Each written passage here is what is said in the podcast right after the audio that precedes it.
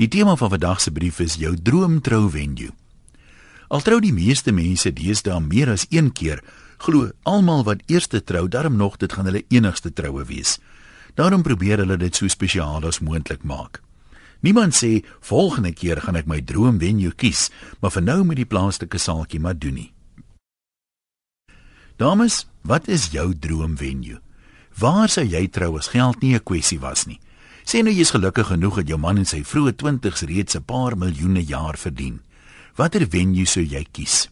Daar's beslis 'n trouvenues om van te droom met 'n lieflike see-uitsig of oor die bosveld, oor die stad se liggies of die Vrystaatse vlaktes.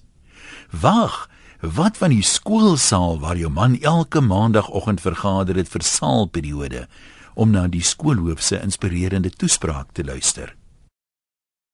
Dit is presies wat Springbok Johan Gosen gedoen het. Hoekom 'n man wat uh, kan kies en keer nou sy ou skool se saal sou kies is egter 'n vraag wat nie 'n voor die hand liggende antwoord het nie. Op 'n onlangse familietroue word hierdie kwessie aan ons tafel bespreek en vir al die vrouens is uitgesproke. Prakties soos wat die realiteite van die lewe 'n man stikwels maak, reken die manne uit seker as oud leerders spesiaal op die saal gekry waarop die vrouens ontplof. 'n man wat 'n paar miljoene jaar verdien en dan 'n paar randjies wil spaar deur in die skoolsaal te trou, hy sal mos op 'n plaas ook wil honeymoon hou, sê een. Het hy dan niks geleer daar in Parys, die stad van die liefde nie wondere ander. Sê ons Bloemfontein moet daar 'n beter venue sê. Toe raak die gesprek filosofies. Is dit nie wonderlik dat 'n skool soveel lojaliteit by sy leerders kan kweek nie? Waag een gespreksgenoot dit. Nee, nee, nee. Hierdie grens aan breinspoeling voel 'n ander weer. Dit wys die kinders voel net soos volwaardige mense as hulle identiteit aan die skool gekoppel word. Dis soos ouens wat destyds na hulle diensplig niks anders geken het nie en nou maar PF gejoin het. Ek wou destyds graag my ou army bungalow trou waar ek JL's gedoen het en 'n KO was. Dink net as ek kon teruggaan en as offisier in my step-outs daar kon trou. Maar my vrou wou die aapstuipe kry.